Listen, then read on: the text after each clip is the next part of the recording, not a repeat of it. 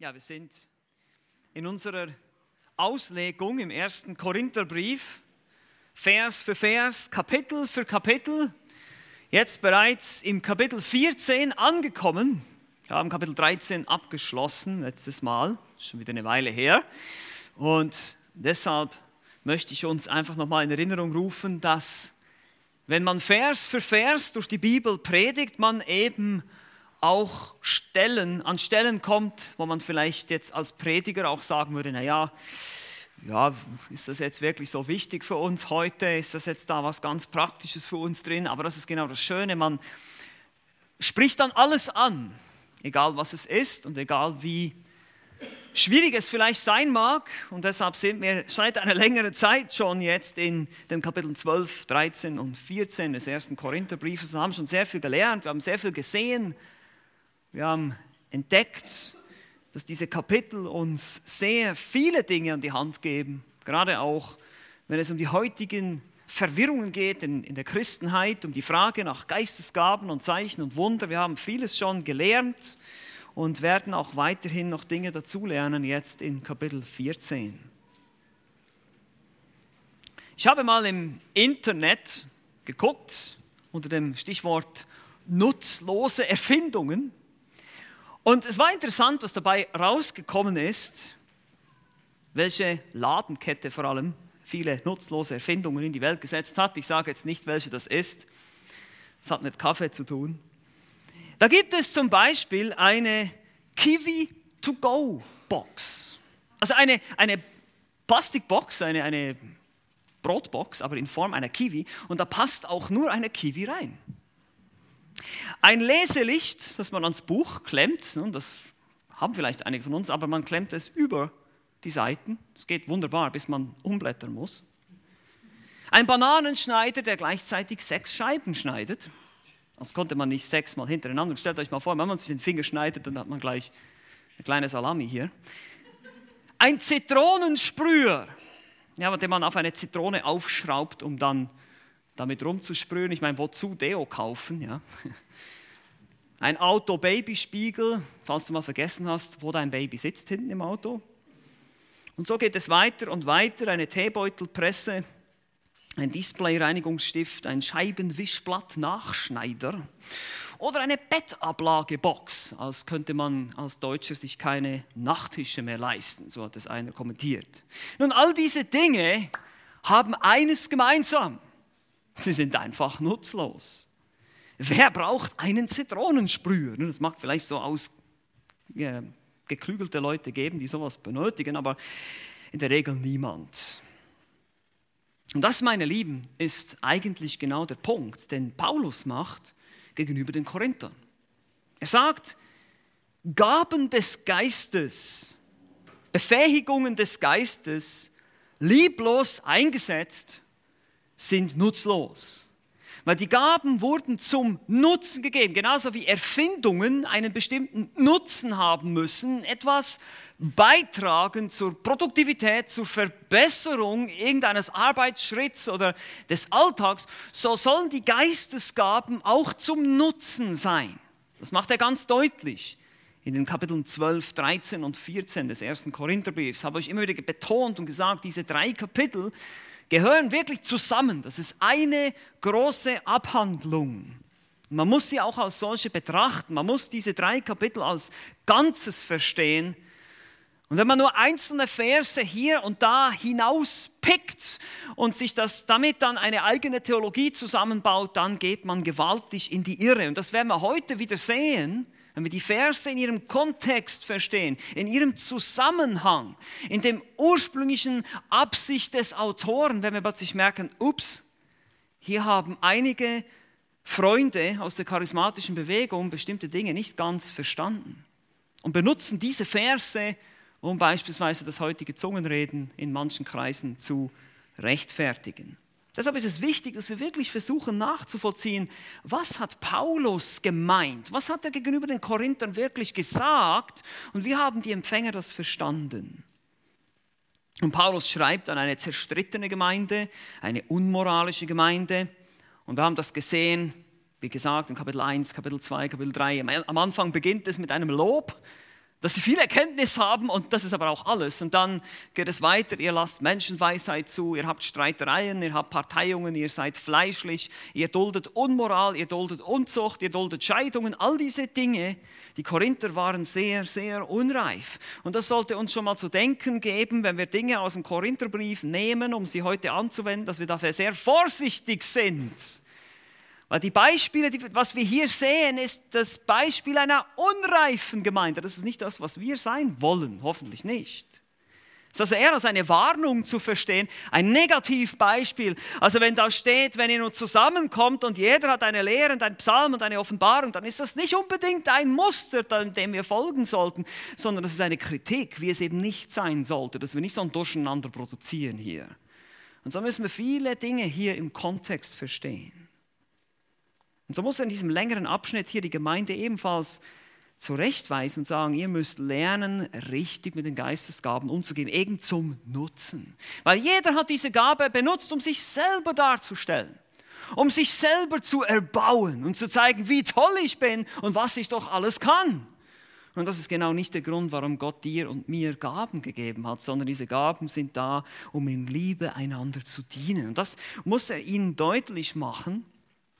Er spricht deshalb im Kapitel 12 darüber, dass nicht jeder dieselbe Gabe hat. Also nicht alle sprechen in Sprachen, nicht alle haben die prophetische Gabe oder nicht alle haben den großen Glauben, sondern jeder hat seine eigene Gabe, so wie der Geist sie zuteilen will. In Kapitel 13 spricht er über die Liebe, dieser vortrefflichere Weg, dass die Gaben in Liebe eingesetzt werden sollen, sonst völlig nutzlos sind. Und dann spricht er auch darüber, dass die Gaben einmal verschwinden würden. Das haben wir letztes Mal in sehr ausführlicher Art und Weise behandelt. Diejenigen, die die Predigt noch nicht gehört haben, sollen sich das, das bitte anhören. Ich kann das jetzt nicht alles nochmal wiedergeben hier.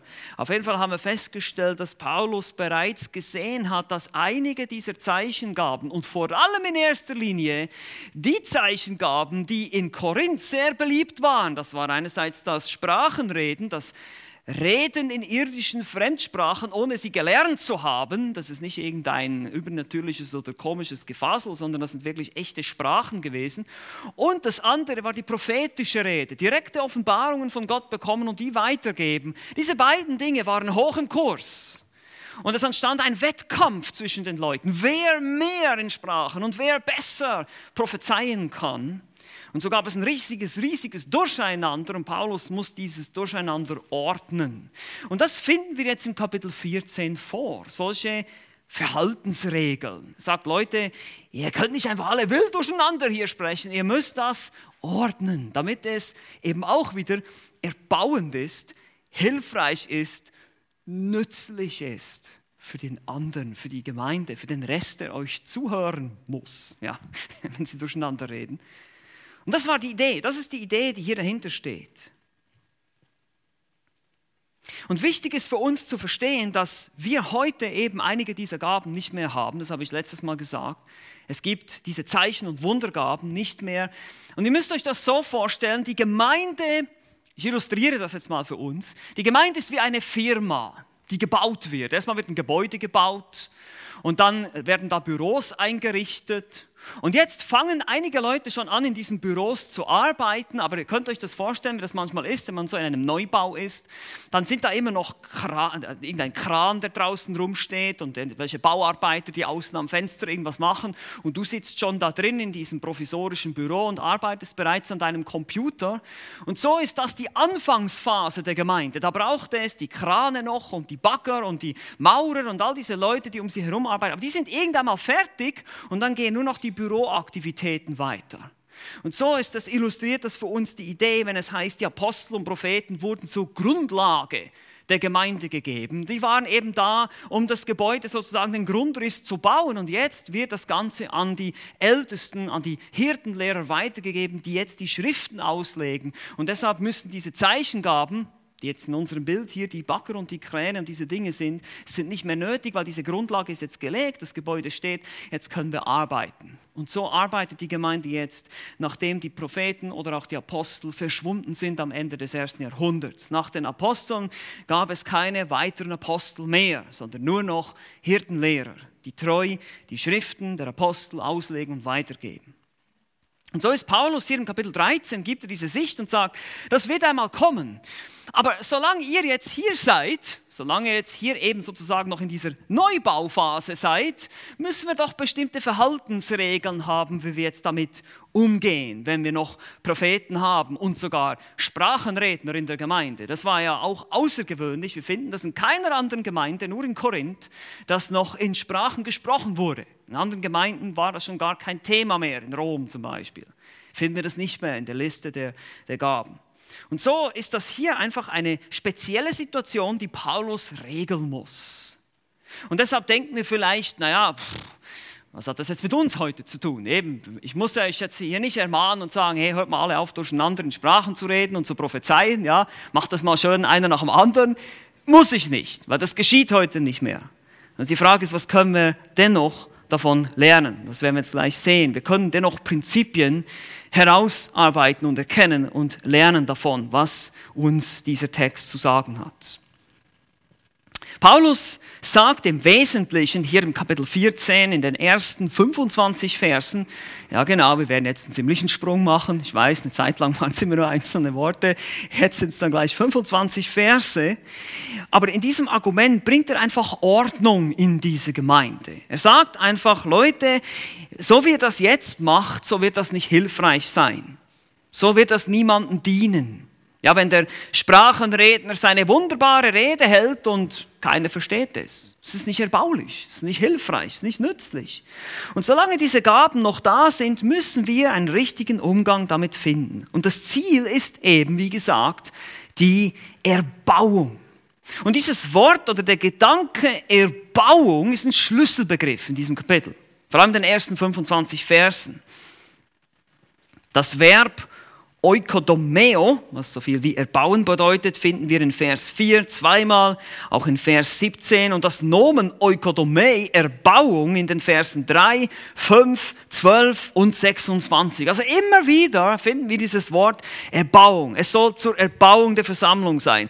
Die Versammlung soll Erbauung erfahren. Ihr erbaut einander nicht so, sondern so erbaut ihr euch. Und auch die verwandten Konzepte wie zum Beispiel Nutzen in Vers 6 oder auch Unterweisen in Vers 19 oder so war die Ermahnung und die Tröstung in Vers 3 gehören dazu. Also Erbauung geschieht dadurch, dass wir verstehen, was der Prophet zum Beispiel sagt, das Wort Gottes, wenn es verkündigt wird, erfährt die Gemeinde Erbauung, das heißt Ermutigung, Ermunterung, vielleicht auch Ermahnung, Korrektur durch die Lehre. Die Gemeinde wird erbaut, wenn sie das Wort Gottes hört. Das war von Anfang an so, als es die Propheten gab, die das Wort direkt weitergaben und später, wie gesagt, die Schriften dann entstanden und das Wort aus der Schrift ausgelegt wird.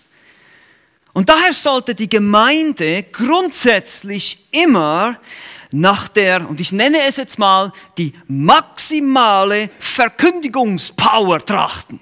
Das ist das, wonach die Gemeinde trachten soll. Nach der maximalen Klarheit, nach der maximalen Verständlichkeit dessen, wofür sie steht. Es geht um Inhalte. Es geht um, ja, es geht um Lehre in erster Linie in der Gemeinde. Die Lehre ist, das Ziel der Lehre ist dann die Liebe. Das Ziel des Gebotes ist die Liebe, heißt es dann. Bei Paulus und Timotheusbrief. Aber wir müssen klar sein. Und das macht Paulus hier sehr deutlich. Das ist schon mal ein erstes Prinzip, was wir lernen können. Es muss klar sein, wofür die Gemeinde steht. Wir haben eine Aufgabe in der Welt. Wir haben einen Zweck.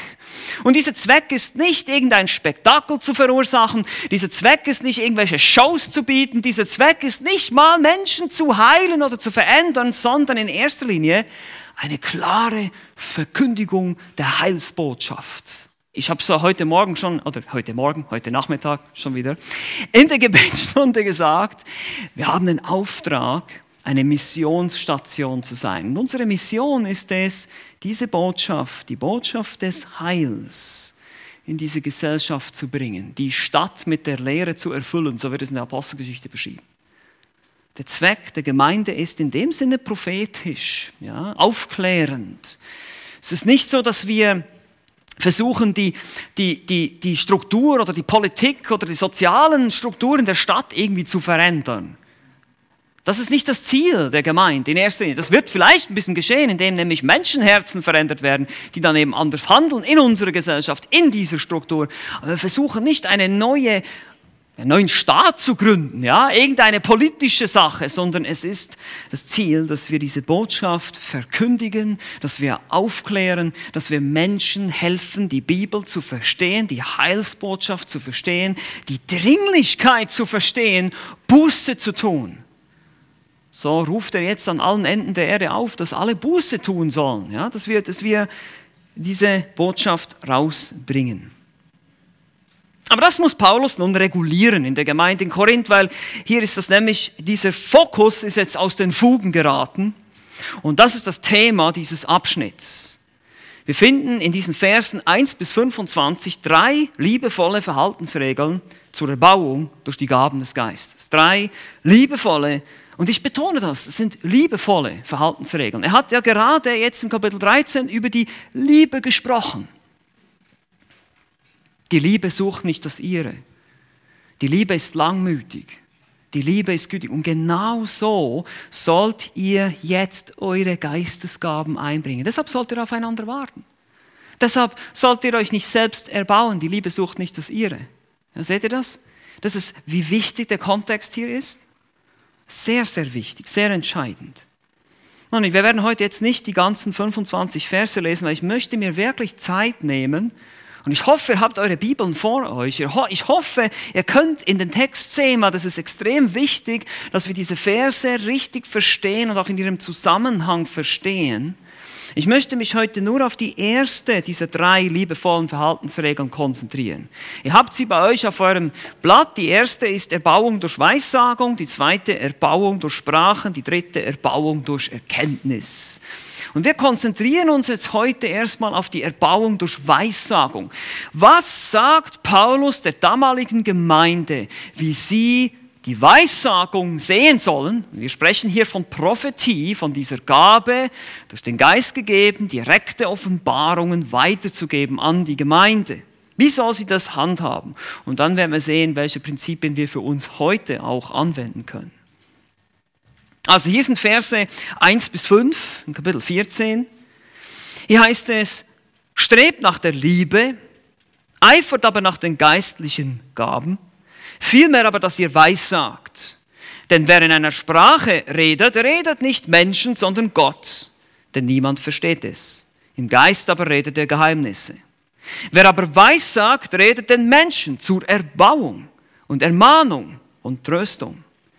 Wer in einer Sprache redet, erbaut sich selbst. Wer aber weissagt, erbaut die Versammlung. Ich wollte aber, dass ihr alle in Sprachen redetet, Vielmehr aber, dass ihr weissagtet. Wer aber weissagt, ist größer, als wer in Sprachen redet. Es sei denn, dass er es auslegt, damit die Versammlung Erbauung empfange. Bis hierher. In den ersten fünf Versen macht Paulus deutlich, dass das prophetische Reden dem Sprachenreden überlegen ist. Das ist eigentlich sein Argument hier. Und zwar wegen seiner Fähigkeit, die Gemeinde direkt zu erbauen. Gleichbedeutend mit dem Belehren. Das sehen wir dann auch, wenn wir in Vers 19 schauen. Da heißt es, er will lieber fünf Worte reden mit dem Verstand, um andere zu unterweisen. Also hier geht es wirklich darum, um diese Klarheit, diese Verständlichkeit zu haben. Und das Erste, was er ihnen sagt, wenn er nochmal jetzt auf Vers 1 guckt, heißt es, strebt nach der Liebe, eifert aber nach den geistlichen Gaben, vielmehr aber, dass ihr weiß sagt. Das sind drei Dinge hier. Das eine ist, sie sollen nach Liebe streben. Das heißt wörtlich hier, sie sollen die Liebe verfolgen, sie sollen ihr nachjagen. Das ist ein sehr starkes Verb im Griechischen hier. Das bedeutet wirklich, es wird an anderen Stellen für Verfolgung benutzt. Also die Liebe hier ist ganz klar immer noch im Zentrum. Kapitel 13 und 14, diese Kapitel- und Verseinteilung kommt uns hier wieder so ein bisschen in die Quere, weil eigentlich der Gedanke geht weiter, nachdem er alles gesagt hat, dass die Liebe bleiben wird und die Liebe alles überdauern wird und deshalb strebt jetzt nach der Liebe. Seht ihr das? Das geht wirklich nahtlos hinein ins Kapitel 14. Und das ist auch der Gedanke hier. So stark sollen sie nach der Liebe jagen. Denn die Eigenschaften, die er gerade in Kapitel 13 gesagt hat, das ist eben die Liebe ist langmütig, die Liebe ist gütig, sie neidet nicht, sie sucht nicht das ihre, all diese Vollkommenheiten, die wir ja sehr ausführlich betrachtet haben. Das bedeutet aber nicht, dass Paulus die Gaben abwerten möchte. Er sagt nicht, die Gaben sind umsonst. Er sagt nur, der, der Einsatz, die Art und Weise ist falsch. Und deshalb sollen sie nach geistlichen Gaben eifern, heißt es hier als zweites. Äh, ein Verb, ein anderes Verb, was so viel heißt wie ein starkes Verlangen haben danach. Und hier fangen, fangen die Missverständnisse schon an. Hier geht es schon los, dass dann gesagt wird, siehst du, wir sollen nach Geistesgaben eifern. Das heißt, ich soll versuchen, jetzt zu lernen, wie ich in Sprachen reden kann. Das hat überhaupt nichts damit zu tun. Weil im Kontext hier geht es darum, dass die Gemeinde als Ganzes nach der Präsenz dieser Gaben in der Versammlung streben soll. Das ist nicht das, das Wetteifern des Einzelnen, ich will jetzt unbedingt diese Gabe haben. Das ist nicht die Idee. Es ist kein Individualismus hier. Das ist falsch. Sondern es geht darum, dass wir die Präsenz der Gaben anstreben, dass wir dieser Gabe, diesen Gaben Raum geben in der Gemeinde, dass wir die Möglichkeit einbringen, dass andere dienen können. Und darum wird es dann im Rest des Kapitels gehen, dass die einen auf die anderen warten sollen oder dass die einen die anderen übersetzen sollen, damit alle Erbauung erfahren. Es geht hier um das Streben innerhalb der Gemeinde. Auch geht es zurück auf die Liste der Gaben in Kapitel 12, Vers 28.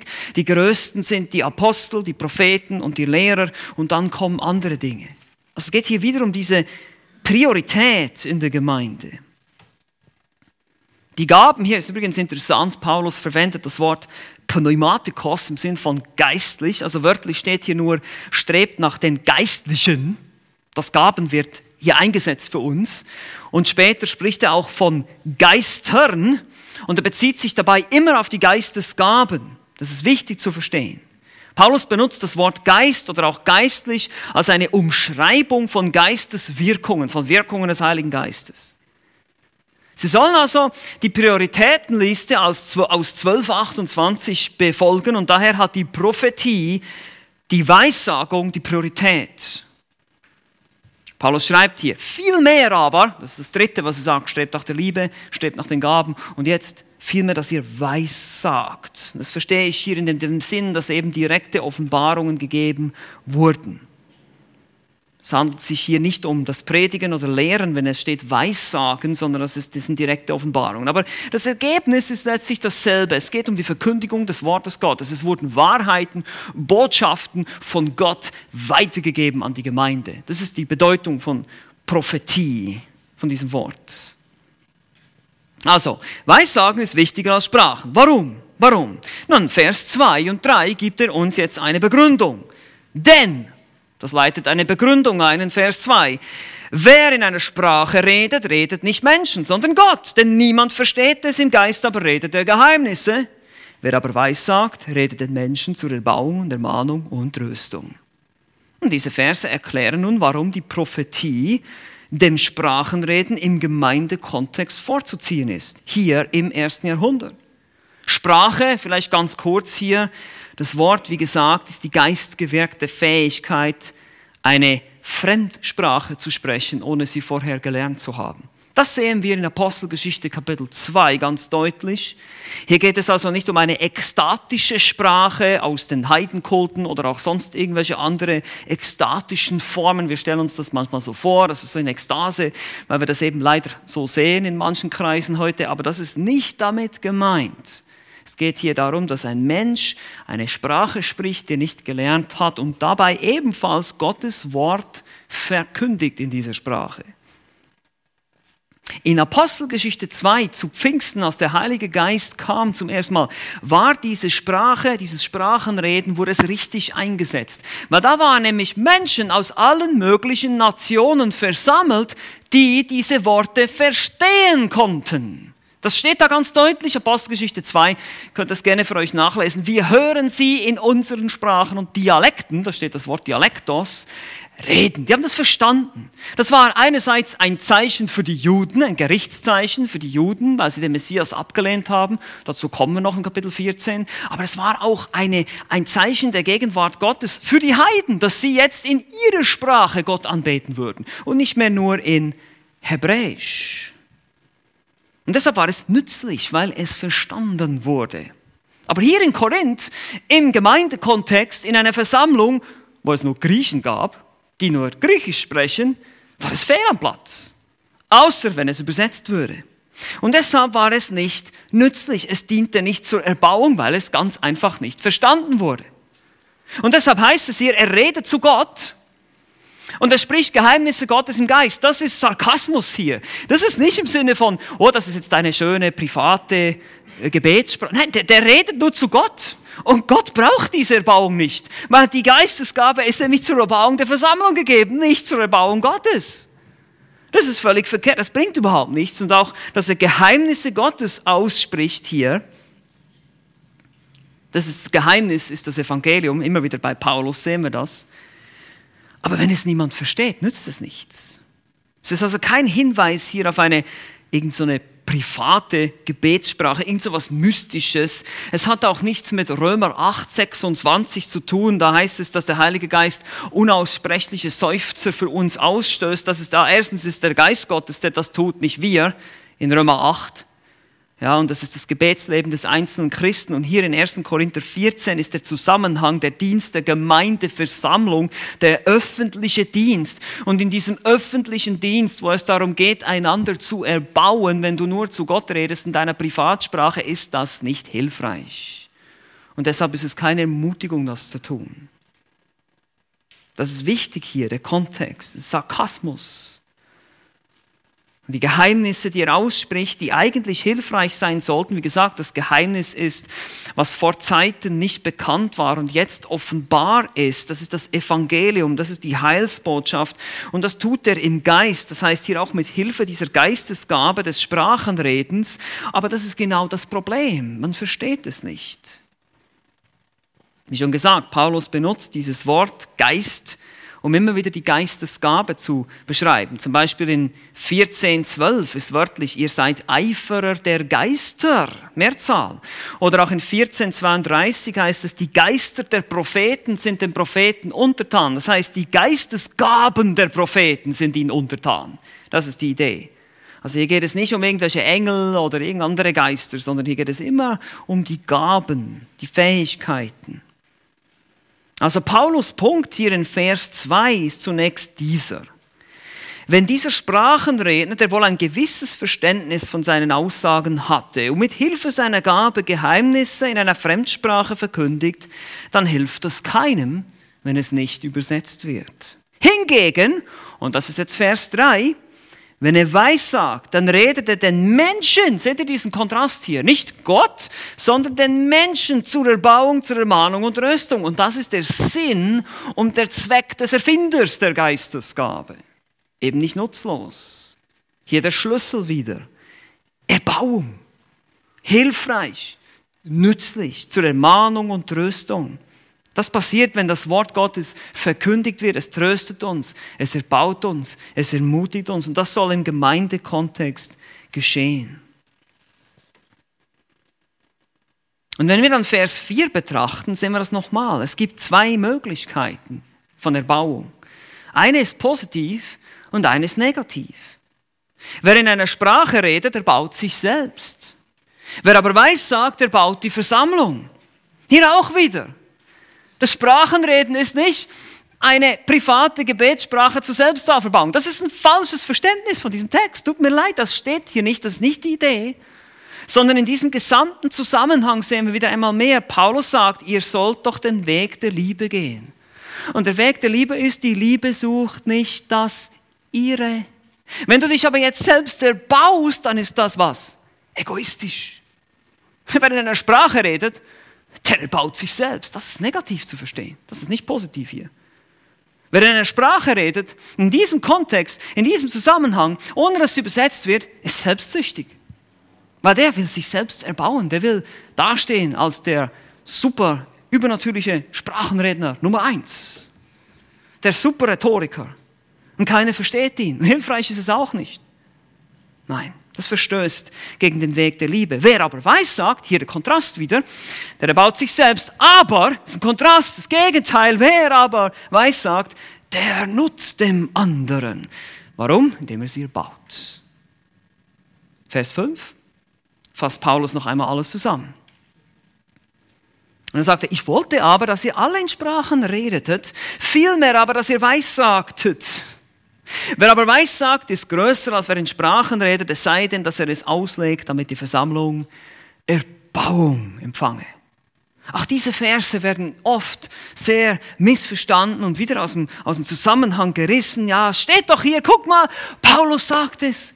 Ich wünsche mir, dass ihr alle in Zungen redet. Ja, erstens steht da nicht Zungen, sondern da steht eigentlich Sprache. Im Griechischen ist das dasselbe Wort. Glossa kann man als Sprache oder Zunge, aber es ist offensichtlich, dass damit die Sprache gemeint ist. Deshalb sage ich auch Sprachenreden und nicht Zungenreden. Ich mag diesen Ausdruck nicht, weil das ist einfach eine Fehlleitung. Das ist nicht die Idee dahinter. Es geht hier um Fremdsprachen. Aber dabei übersehen sie, dass Paulus hier einen Wunsch ausspricht und eine offensichtliche Übertreibung. Er sagt, schau mal Leute, ich bin nicht dagegen, dass ihr in Sprachen redet, grundsätzlich nicht. Später sagt er dann auch noch, dass er selber mehr in Sprachen spricht als alle anderen. Aber er war ein Missionar, er war mit Heiden unterwegs, er hatte zum Teil diese Möglichkeit, tatsächlich in einer Fremdsprache zu sprechen, der andere verstand es und wurde erbaut. Aber nicht in der Gemeindeversammlung. Und er sagt, ich, ich wünsche mir nicht, dass ihr alle aufhört damit. Es gibt einen richtigen Einsatz, aber das ist ein Wunsch, genauso wie wenn er sagt in 1. Korinther 7, Vers 7, denn ich wollte alle Menschen wären wie ich, dass er will, dass alle Menschen Singles bleiben. Ja, das ist, das ist auch ein Wunsch, das ist einfach sein Herzenswunsch. Er, bringt einfach zum Ausdruck, er übertreibt, er sagt, schau, ich, ich missgönne euch das nicht. Ich missgönne euch das nicht. Aber viel mehr, aber viel mehr, dass ihr weissagtet. Und hier ist es auch die Möglichkeitsform. Die Idee hier ist einfach eine, eine Möglichkeit, ein Wunsch, der zum Ausdruck gebracht wird. Er, er bittet sie, er, er argumentiert mit ihnen, er versucht an sie zu appellieren hier. Er versucht ja in liebevoller Art und Weise diese Menschen dazu zu bringen, ihn zu verstehen. Ich missgönne euch das nicht. Ich, ich finde das toll, dass ihr so begabt seid. Ich wünsche mir, dass ihr alle in Sprachen redet. Versteht ihr? Das ist die Idee, das ist die, der Ton hier. Aber es bringt nichts, wenn er es so macht, wie er es jetzt tut. Weil das würde seinen eigenen Ausführungen in Kapitel 12 völlig widersprechen. Da sagt er eben deutlich, dass nicht jeder in Sprachen spricht, dass nicht jeder prophetisch redet in Vers 11 und in Vers 30 im Kapitel 12. Und dass der Geist Gottes so austeilt, wie er will. Also, Kapitel 14 hier, Vers 5, Paulus hier will trotzdem deutlich machen, dass er die Gabe des Sprachenredens nicht verachtet. Auch wenn er sie als weniger wichtig betrachtet, vor allem in der Art und Weise, wie sie von den Korinthern eingesetzt wurde. Ich wünschte, ihr könntet in Sprachen reden, alle von euch. Missgönne euch das nicht. Aber viel mehr, dass ihr weiß sagt. Und hier sagt er nicht mehr alle, ist auch interessant. Er sagt viel mehr, dass ihr weiß sagt. Seht ihr, das alle fehlt hier. Er war sich das bewusst, dass auch das nicht geschehen würde, dass alle weissagen würden. Aber er gönnt es ihnen. Aber die prophetische Rede hier in diesem Kontext, die klare, das, das klare Wort Gottes ist die, äh, ist die Vorliebe, ist die Priorität. Warum? Vers 5, noch einmal hier, wer aber weissagt, ist größer, als wer in Sprachen redet. Es sei denn, dass er es auslegt, damit die Versammlung Erbauung empfange. Der Prophet ist größer. Hier wieder im Sinne von wichtiger in der Prioritätenliste von Kapitel 12, Vers 28. Er ist größer, er ist wichtiger zur Erbauung der Gemeinde in diesem Kontext hier. Das sind die größeren Gaben, Apostel, Propheten, Lehrer aus Kapitel 12, 28. Und der Sprachenredner ist dann nützlich, wenn das, was er sagt, ausgelegt wird das ist ein interessantes Wort. Das heißt eigentlich übersetzen, die Hermenuo. Auslegen, übersetzen. Also auch hier wieder, es, es macht einfach deutlich, dass es um Sprachen geht. Ich meine, stellt euch das einfach mal vor, die Situation. Stellt euch mal vor, wir, wir laden John MacArthur ein, hier, der amerikanische Prediger, um hier zu predigen. Und er predigt hier von dieser Kanzel auf Englisch. Ich meine, das wäre vielleicht für einige von uns hilfreich, weil sie Englisch verstehen, aber für viele von euch nicht. Warum? Er versteht kein Englisch. Was wäre hilfreich nun, wenn Daniel daneben steht und übersetzt? Dann ist es plötzlich hilfreich, weil dann versteht ihr, was gesagt wird. Und das ist die Situation hier. Das ist die Situation.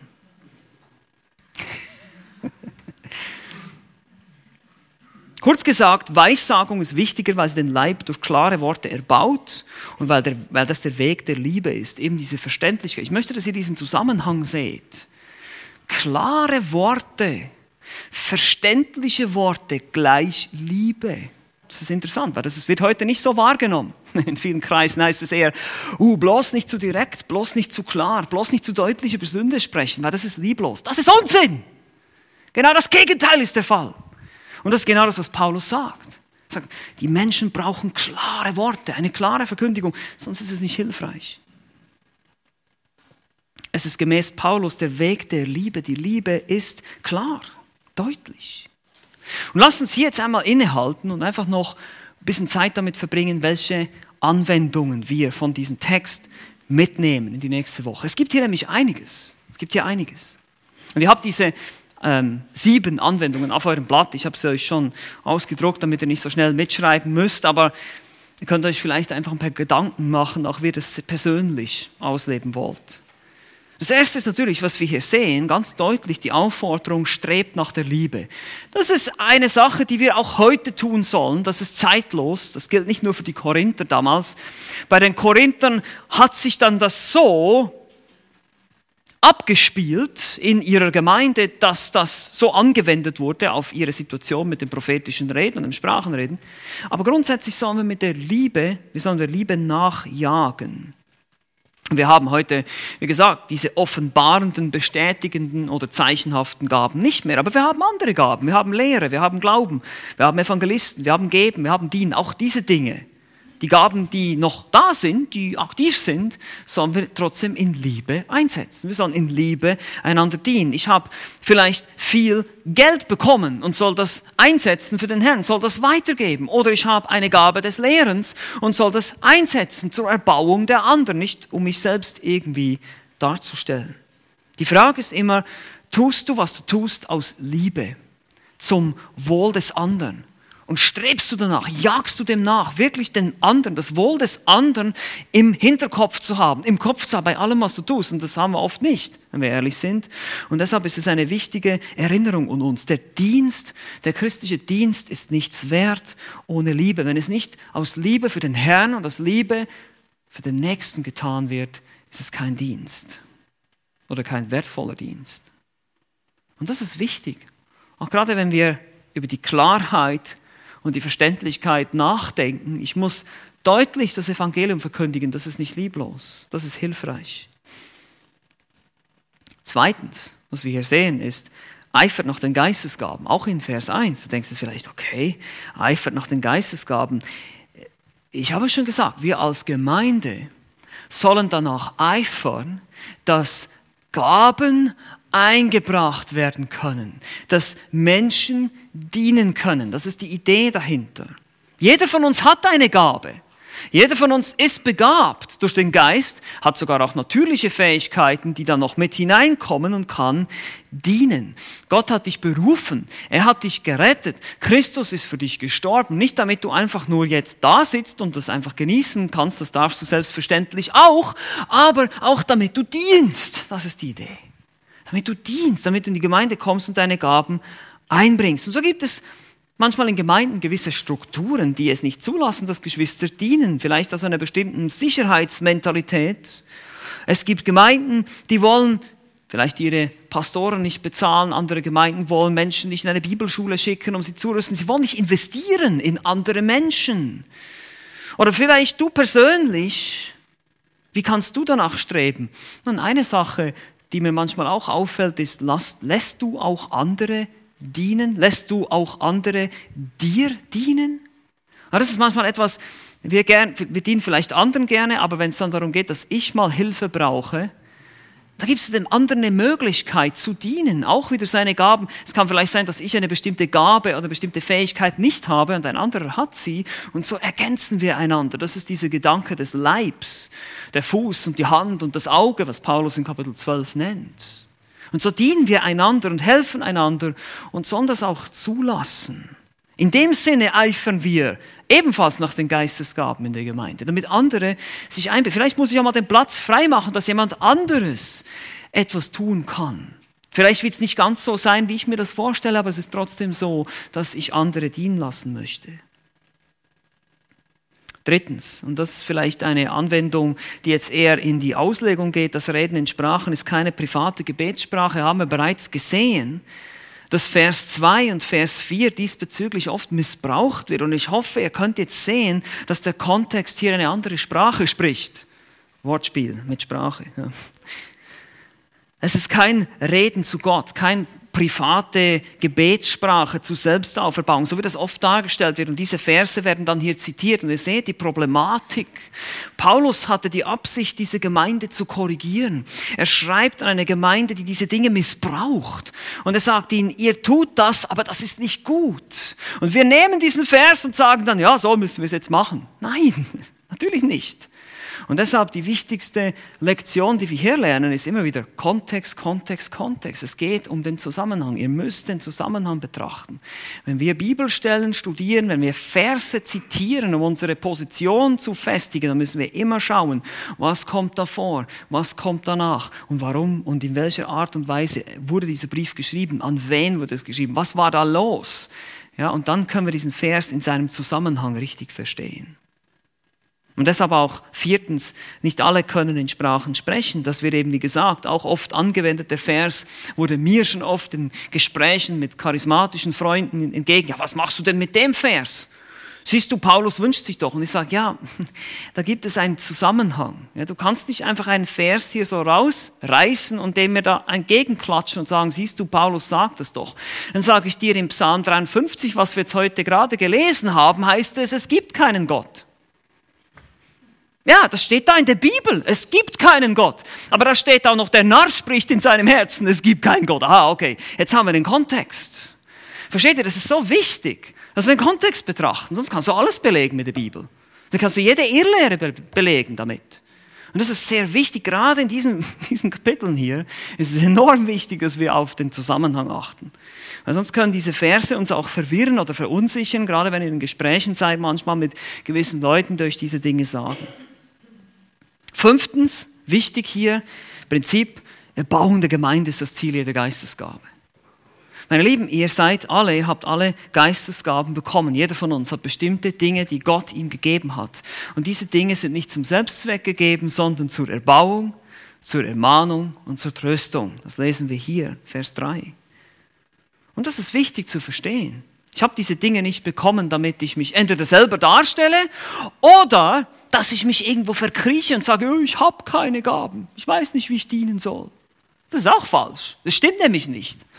Gott hat dir seinen Geist gegeben. Du hast Gaben. Und du fängst an zu dienen in der Gemeinde. Du fängst an, irgendwas zu tun. Und du merkst dann, indem du dich bewegst, welche Gabe du hast. Und deshalb, sechstens, Gaben für sich selbst zu nutzen, ist verkehrt.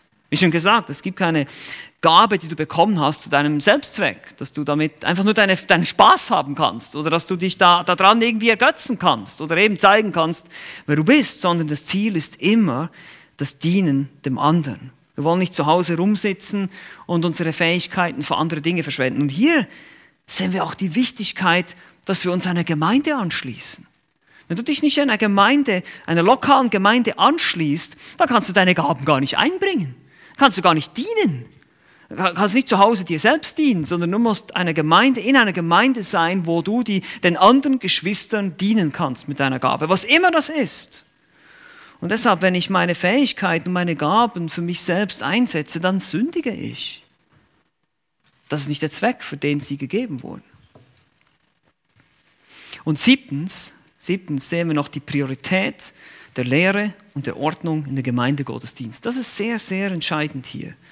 Wie ich am Anfang schon gesagt habe, die Gemeinde soll nach einer maximalen Verkündigungspower streben, wie ich das, nenne. Es geht einfach darum, das Wort Gottes rauszubringen in die Welt und auch den Geschwistern zu bringen. Das Wort Gottes ist lebendig und wirksam und es hilft uns, es erbaut uns.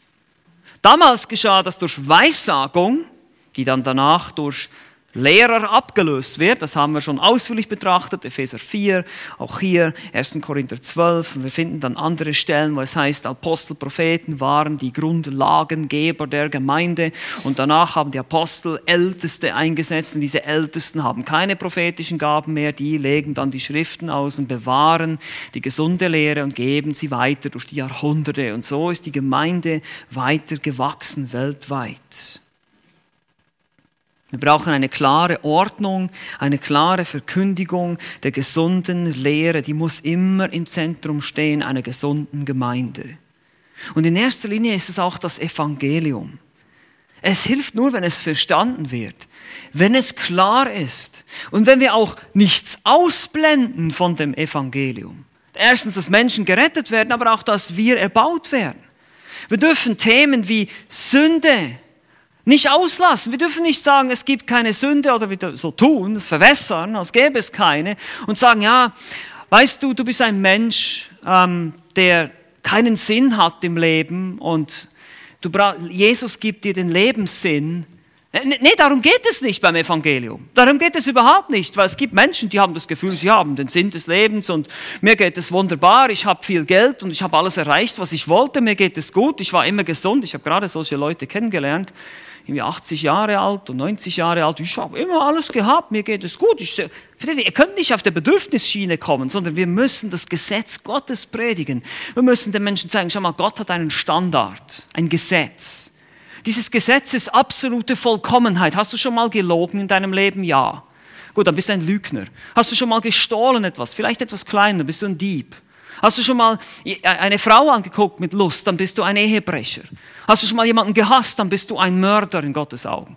Das ist das, was Gott sagt. Das ist der Standard Gottes. Und deshalb bist du ein Sünder und ich ein Sünder. Und deshalb brauchen wir einen Erlöser. Wir brauchen Jesus Christus, der am Kreuz stirbt für unsere Sünde, damit wir Erlösung haben.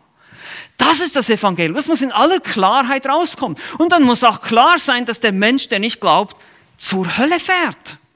Eine ewige Verdammnis, ewiger Schmerz, ewige Pein, ewiges Feuer. Das muss gesagt werden. Und dann natürlich auch der Himmel, die ewige Freude, das ewige bei Gott sein, Angesicht zu Angesicht, Gottes Gemeinschaft genießen. Das sind die zwei Wege. Entscheide dich. Das ist das Evangelium. Äh, bevor du die gute Nachricht verstehst, musst du die schlechte hören. Wenn wir nicht klar sind, wenn die Gemeinde nicht nach maximaler Verkündigung strebt, dann haben wir ein Problem dann haben wir ein Problem. Wir verpassen einfach den Sinn und Zweck, warum wir hier sind. Die Gemeinde ist nicht in der Gesellschaft in erster Linie, um eine Sozialhilfestelle zu sein. Die Gemeinde ist nicht in der Gesellschaft, um eine Entertainment-Zentrale zu sein. Die Gemeinde ist in der Gesellschaft, um das Wort Gottes zu verkündigen. Das ist unser Auftrag. Hier und in der Welt. Und das ist der Auftrag, den wir haben. Mehr hat, uns, mehr hat uns die Bibel nicht gesagt. Und Paulus macht das hier, dieses Prinzip sehr, sehr deutlich. Er sagt, es ist wertvoll, es ist nützlich, wenn es verstanden wird. Lass uns danach streben. Lass uns das im Hinterkopf haben, wenn wir in die Woche gehen. Ist mein Evangelium, wenn ich es verkündige, verständlich, deutlich, klar? Oder auch meine Lehre hier in der Gemeinde, wenn ich jemandem weiterhelfe, bin ich deutlich, benutze ich die Schrift, die Bibel, die inspirierten Worte oder meine eigene strebe ich danach, die Priorität der Lehren, der Ordnung in der Gemeinde zu wahren? Das ist die Frage.